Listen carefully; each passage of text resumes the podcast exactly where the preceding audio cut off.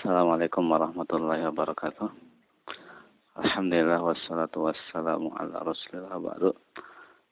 Kita melanjutkan masail yang ada dalam tafsir at-tauhid.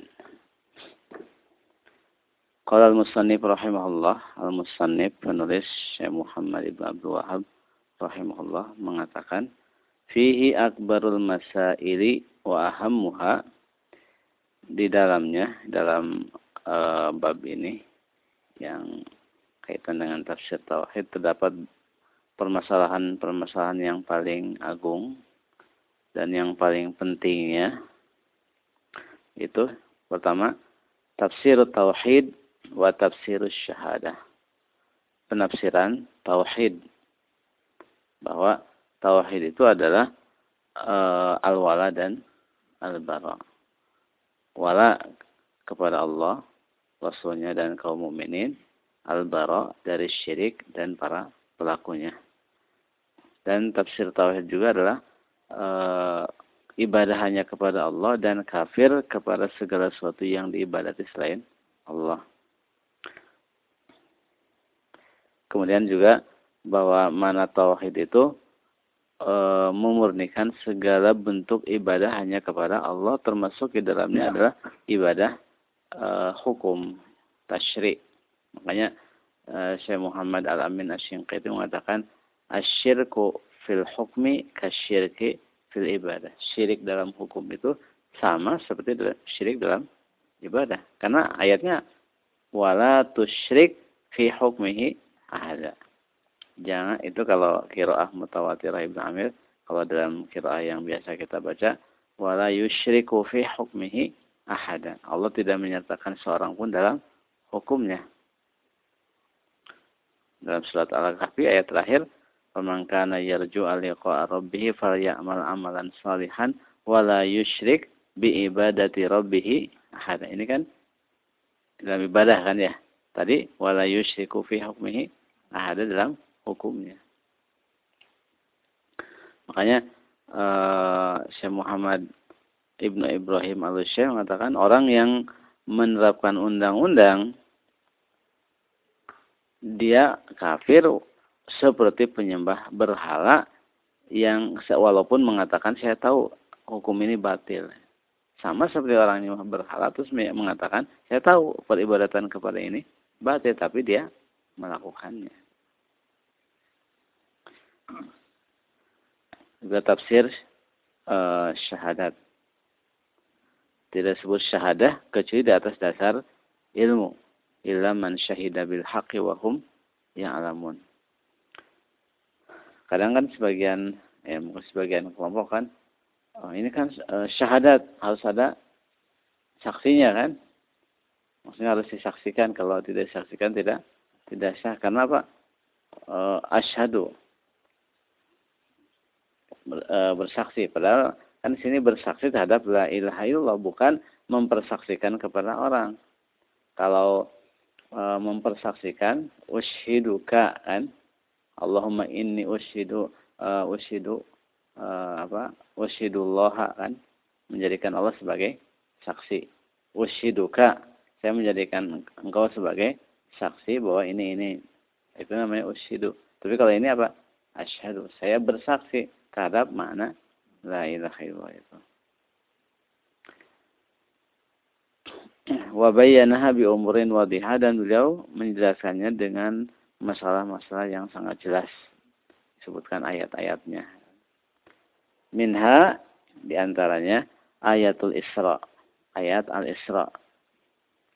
Bayyana fiha ar-radd 'ala al-musyrikin alladzina yad'una as-salihin di mana di dalamnya terdapat bantahan kepada orang-orang musyrik yang menyeru orang-orang saleh. Fafiha bayanun anna hadha huwa syirkul akbar. Di dalam ayat ini terdapat penjelasan bahwa itu maksudnya apa? Menyeru selain Allah itu adalah syirik akbar. Jadi menyeru selain Allah adalah syirik akbar.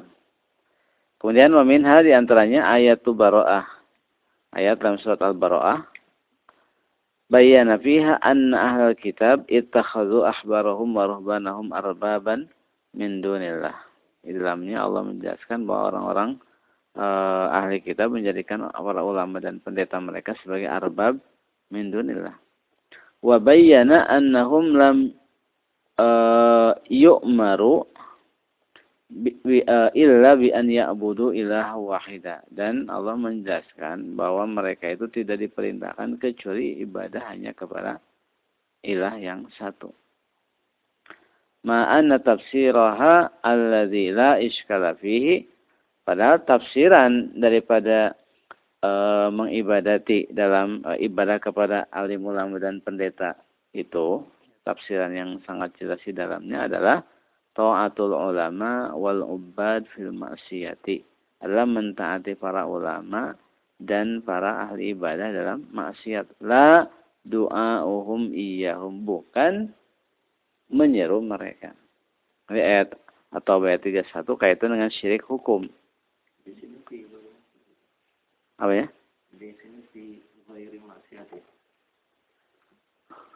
Mungkin salah itu. Iskala fihi ta'atul ulama wal.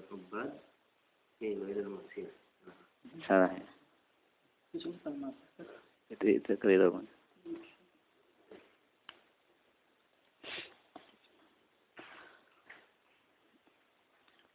Jadi terus di sini juga harus dipahami kadang karena orang-orang mazhum itu kadang mengambil uh, ucapan Syekh Muhammad Ibnu Abdul uh, apa Ibnu Taimiyah kaitan dengan uh, apa mentaati para alim, ulama dan pendeta.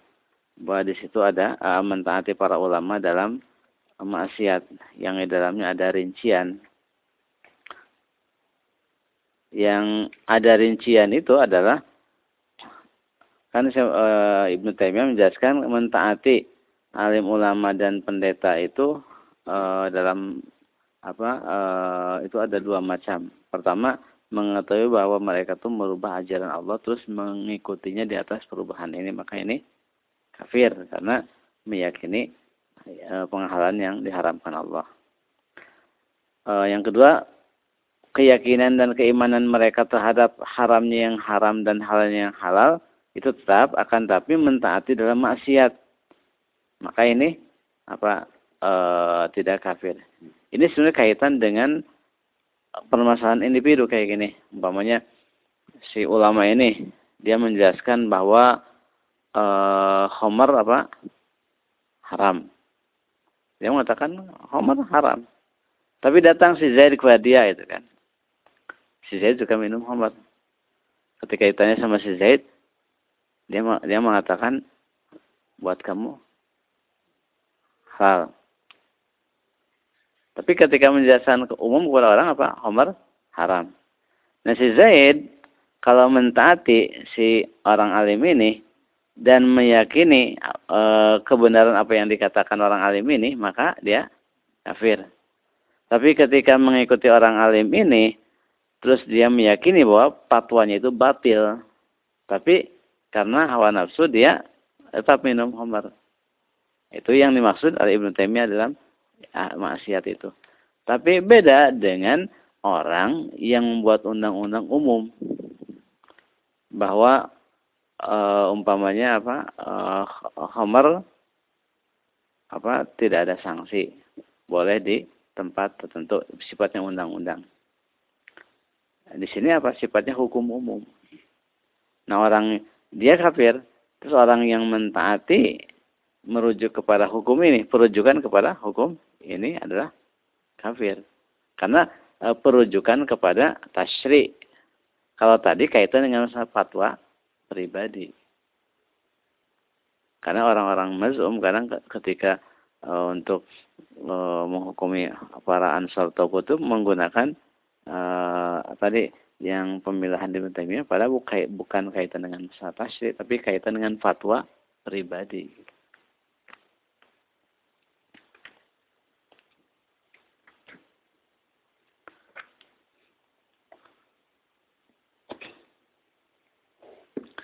Kemudian selanjutnya qaulul Khalil alaihi salam lil kufar innani bara'um mimma ta'budun illa alladhi fatarani.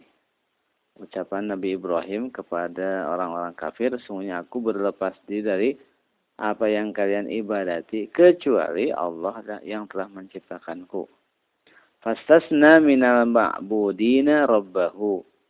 Nabi Ibrahim mengecualikan dari yang mereka ibadati itu mengecualikan siapa? Rabbnya Allah Subhanahu wa taala. Berarti di antara yang diibadati oleh orang-orang musyrik di antaranya apa? Allah Subhanahu wa taala. Nah, Nabi Ibrahim baru dari semua kecuali dari dari Allah. Wa dzakara subhanahu anna hadhihi al-bara'ah wa hadhihi al-muwalah hiya tafsiru syahadati alla ilaha illallah. Allah menjelaskan bahwa keberlepasan ini keberlepasan dari syirik ini dan loyalitas ini itu adalah tafsir daripada syahadat la ilaha illallah. Jadi berlepas daripada syirik, loyalitas kepada orang mukmin, baru dari orang musyrik dan syiriknya, loyalitas kepada kaum mukminin itu tafsir syahadat la ilaha illallah. Makanya e, ketika tidak ada pengkafiran pelaku syirik, maka tidak bisa membangun di atasnya al-wala dan al-bara. Karena al-wala dan al-bara itu cabang daripada apa? penerapan ponis kafir. Kalau pelakunya tidak dikafirkan, bagaimana bisa melakukan al-wala dan al-bara? Makanya Allah mengatakan, illa taf'aluhu takun fisnatun fil ardi wa fasadun kabir. Kalau kalian tidak melakukannya, tidak baru dari orang musyrik, tidak loyal kepada orang mukmin, nah konsekuensi orang yang tidak mengkafirkan pelaku syirik, dia tidak baru dari orang musyrik. Kenapa? Karena dianggap muslim dan malah membenci orang mukmin karena dianggap gulu, takfiri atau bahkan khawarij. Nah, ketika e, seperti itu, apa kata Allah? Takun fitnatun fil ardi. Pasti terjadi fitnah. Fitnah adalah syirik. Pasti ketika orang tidak baro dari pelaku syirik dan tidak membangun akidah al-wala dan al-bara di atas hal ini, akan terjadi syirik pada orang itu. Nah, realitanya ketika togut dianggap muslim. Akhirnya jatuh ke dalam apa? Syirik kekafiran kan akhirnya apa? Tawali kan kepada mereka. Itu akibatnya. Ketika orang musyrik togut dianggap muslim akhirnya tawali kepada mereka. Terus wafasadung kabir kerusakan yang besar. Akhirnya apa? Ikhtilat nasab. Pernikahan dengan orang murtad. Itu kan kerusakan. Faqal waja'alaha kalimatan baqiyatan fi 'aqibihi la'allahum yarji'un. Dan Allah menjadikan kalimat itu sebagai kalimat yang tetap eksis di keturunan keturunannya. Jadi e, kalimat e, jadi senantiasa di keturunan Nabi Ibrahim itu ada senantiasa orang yang mentauhidkan Allah. Jadi walaupun zaman jahiliyah ada saja orang di antara keturunan Nabi Ibrahim yang apa? Yang bertauhid. Nah tadi waja'ala kalimatan baqiyatan fi aqibihi. Kemudian wa minha ayatul Baqarah fil kufar alladzina qala fihim uh, surah ayat Al-Baqarah tentang orang-orang kafir yang mana Allah uh, mengatakan tentang mereka wa ma hum bi kharijina minan nar. Mereka itu tidak mungkin keluar dari api neraka. Wa zakara annahum yuhibbuna andadahum ka hubbillah. Allah menyebutkan bahwa mereka itu orang-orang musyrik itu yang kekal dalam api neraka itu mereka mencintai andad mereka seperti kecintaan kepada Allah. Fadalla ala annahum Allah hubban azima. Maka ini menunjukkan bahwa mereka orang-orang musyrik itu mencintai Allah dengan kecintaan yang besar juga. Walam yudkhilhum fil Islam. Tapi kecintaan itu tidak memasukkan mereka ke dalam Islam. Jadi bila saja orang-orang tadi musyrik itu mereka mencintai Allah, tapi kecintaannya apa e, kecintaan terhadap andadnya melebihi kecintaan kepada Allah maka tidak memasukkan ke dalam Islam kecintaan mereka itu. Fakaifa biman ahabba eh, tadi bila kecintaan kepada nid itu sama dengan kecintaan kepada Allah sebanding gitu kan tidak masukkan mereka ke dalam surga fakaifa eh, apa ke dalam ya surga dalam Islam fakaifa biman ahabban nidda akbar maka bagaimana dengan orang yang lebih mencintai nid itu. Min hubbillah daripada kecintaan kepada Allah. Seperti para togut dan ansornya ketika ajaran Islam dilecehkan mereka marah tidak? Tidak. Tapi ketika uh, togut mereka falsafah mereka dihina dirongrong marah tidak? Berarti mereka lebih mencintai Anda daripada kecintaan kepada Allah. Itu e, berarti lebih kafir. Fakaifa biman lam yuhibbi lam yuhibba illa nidda wahdahu. Maka bagaimana dengan orang yang tidak mencintai kecuali tandingan saja. Tidak cinta kepada Allah. Walam yuhibballah dan dia tidak mencintai Allah. Jadi jadi orang yang mencintai Allah sama kecintaannya dengan kepada tandingan itu tidak muslim, kafir, kekal dalam neraka. Lebih kafir lagi orang yang lebih mencintai Anda. Lebih kafir lagi orang yang sama sekali tidak mencintai Allah. Terus kaitan dengan tafsir uh, apa yuhibbunahum kahubbillah mereka mencintai tandingan itu seperti kecintaan kepada Allah Kan ada dua, uh, ada beberapa tafsiran. Yang pertama, kahubillah seperti kecintaan mereka kepada Allah itu yang dimaksud oleh Syekh Muhammad. Jadi kecintaan mereka kepada anda itu seperti kecintaan mereka kepada Allah serupa sebanding. Itu yang ditarjih oleh Syekh Muhammad. Ada lagi yang mengatakan kahubillah seperti kecintaan orang-orang mukmin kepada Allah. Jadi kecintaan orang musyrik kepada anda mereka itu seperti kecintaannya orang-orang Islam kepada Allah. Di mana kecintaan orang muslim kepada Allah disertai apa?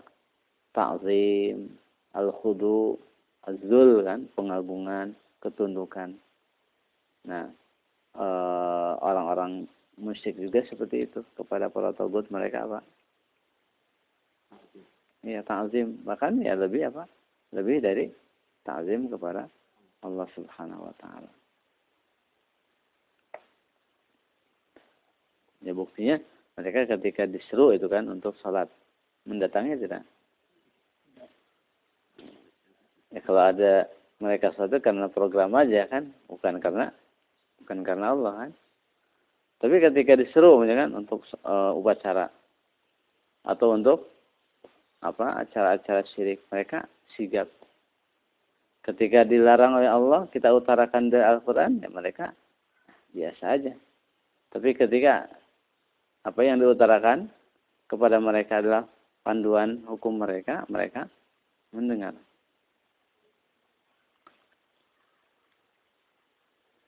Wa idza dzukirallahu wahdahu kafartum wa iyyushrak bihi tu'minu. Jika Allah saja yang disebut, mereka ingkar ketika syariat Allah yang di apa ingin ditegakkan mereka mengingkarinya kan menolaknya tapi bila dilakukan penyekutuan itu dengan undang-undang mereka baru mau menerima kan realita orang musyrik seperti itu kemudian selanjutnya firman Allah uh, sabda Rasulullah SAW Man qala la ilaha illallah wa kafara bima yu'badu min dunillah haruma maluhu wa damuhu wa hisabuhu ala Allah. Barang siapa mengucapkan la ilaha illallah dan dia kafir terhadap segala sesuatu yang diibadati selain Allah, maka terjagalah harta dan darahnya dan penghisabannya atas Allah. Wa hadza min a'zami ma yubayyinu makna la ilaha illallah. Ini hadis ini termasuk di antara dalil yang paling agung yang menjelaskan makna la ilaha illallah. Fa innahu lam yaj'al at-talaffuz biha asiman lidami wal mal. Di mana Allah Subhanahu wa taala tidak menjadikan pelapalan terhadap kalimat tauhid itu sebagai peng apa pelindung, penjaga darah dan harta. Jadi sekedar mengucapkan tidak menjadi uh, jaminan yang menjaga darah dan harta. Bal wala kaunahu la yad'u illa illallah wahdahu la syarikalah. Bahkan uh, oh gitu.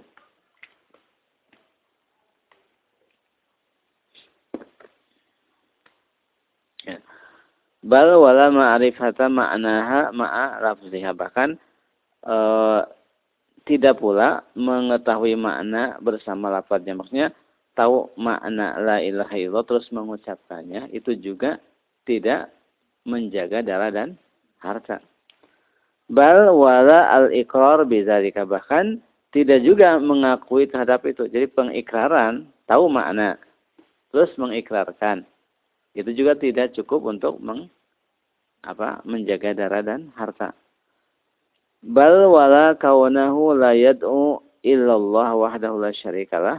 Bahkan tidak pula keberadaan dia tidak men, tidak mengibadati kecuali Allah saja tidak ada sekutu baginya. Maksudnya dia e, beribadah kepada Allah saja, tidak ibadah kepada yang lainnya. Itu juga tidak cukup dalam menjaga darah dan hartanya. Bal yahrumu maluhu wa damuhu bahkan tidak haram da, harta dan darahnya hatta yudi ila zalika sampai dia menyertakan kepada ini semuanya al kufra bima yu'badu min dunillah sikap kafir terhadap segala sesuatu yang diibadati selain Allah karena bisa jadi orang dia tidak berbuat syirik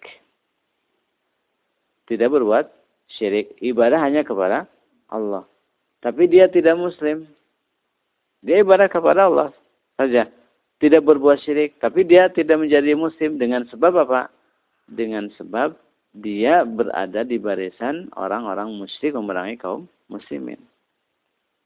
Syekh Muhammad mengatakan, wal adillatu ala takfir al muslim as-salih uh, walau lam yusyrik idza sara ma'al musyrikin al muwahhidin aksar min an tuhsar min kalamillahi wa kalami rasulihi sallallahu alaihi wasallam wa kalamil ulama kullihim. Dalil-dalil yang menunjukkan terhadap pengkafiran orang muslim yang salih walaupun dia tidak berbuat syirik akan tapi dia berada di barisan kaum musyrikin memerangi kaum muwahhidin itu dalil terhadap ini sangat banyak sekali dari firman Allah sabda Rasul dan para ulama seluruhnya, pernyataan ulama seluruhnya. Jadi orang itu tidak berbuat syirik. Tapi dia apa berada di barisan kaum musyrikin memerangi kaum muslim bukan muslim kan? Makanya di sini Syekh Muhammad mengatakan jadi hal itu harus disertai kufur kepada segala sesuatu yang diibadati selain Allah. Sedangkan di antara makna kufur kepada segala sesuatu yang diibadati selain Allah adalah takfir ahli syirki. Mengkafirkan pelaku syirik akbar. Makanya uh, sebagian a'imatu dakwah ketika menafsirkan uh, wa kafara bima yu'badu min dunillah dan dia kafir terhadap segala sesuatu yang diibadati selain Allah adalah mengkafirkan pelaku syirik ketika menafsirkan ayat kafar nabikum mereka menafsirkan juga kafarnakum kami kafirkan kalian fa in syakka aw tawaqqafa lam yahrum maluhu wa damuhu. Kalau ragu atau masih tawakuf maka tidak haram harta dan darahnya. Fayalaha min mas'alatin ma'azamaha wa ajallaha. Sungguh uh, apa masalah alangkah agung dan alangkah uh, mulianya.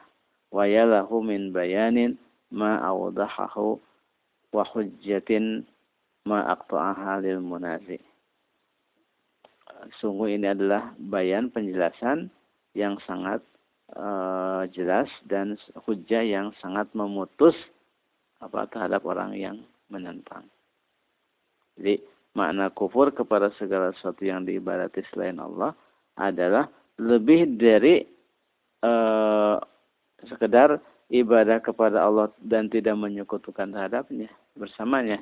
Tapi ada apa tadi barok dari ahli syirik itu. Makanya uh, al-wala dan al-bara adalah inti daripada ajaran Islam. Makanya ketika hal ini hal ini tidak direalisasikan ya tadi ketika masalah takfir tidak diamalkan.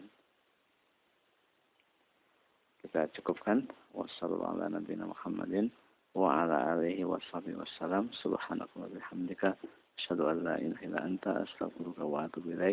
Assalamualaikum warahmatullahi wabarakatuh.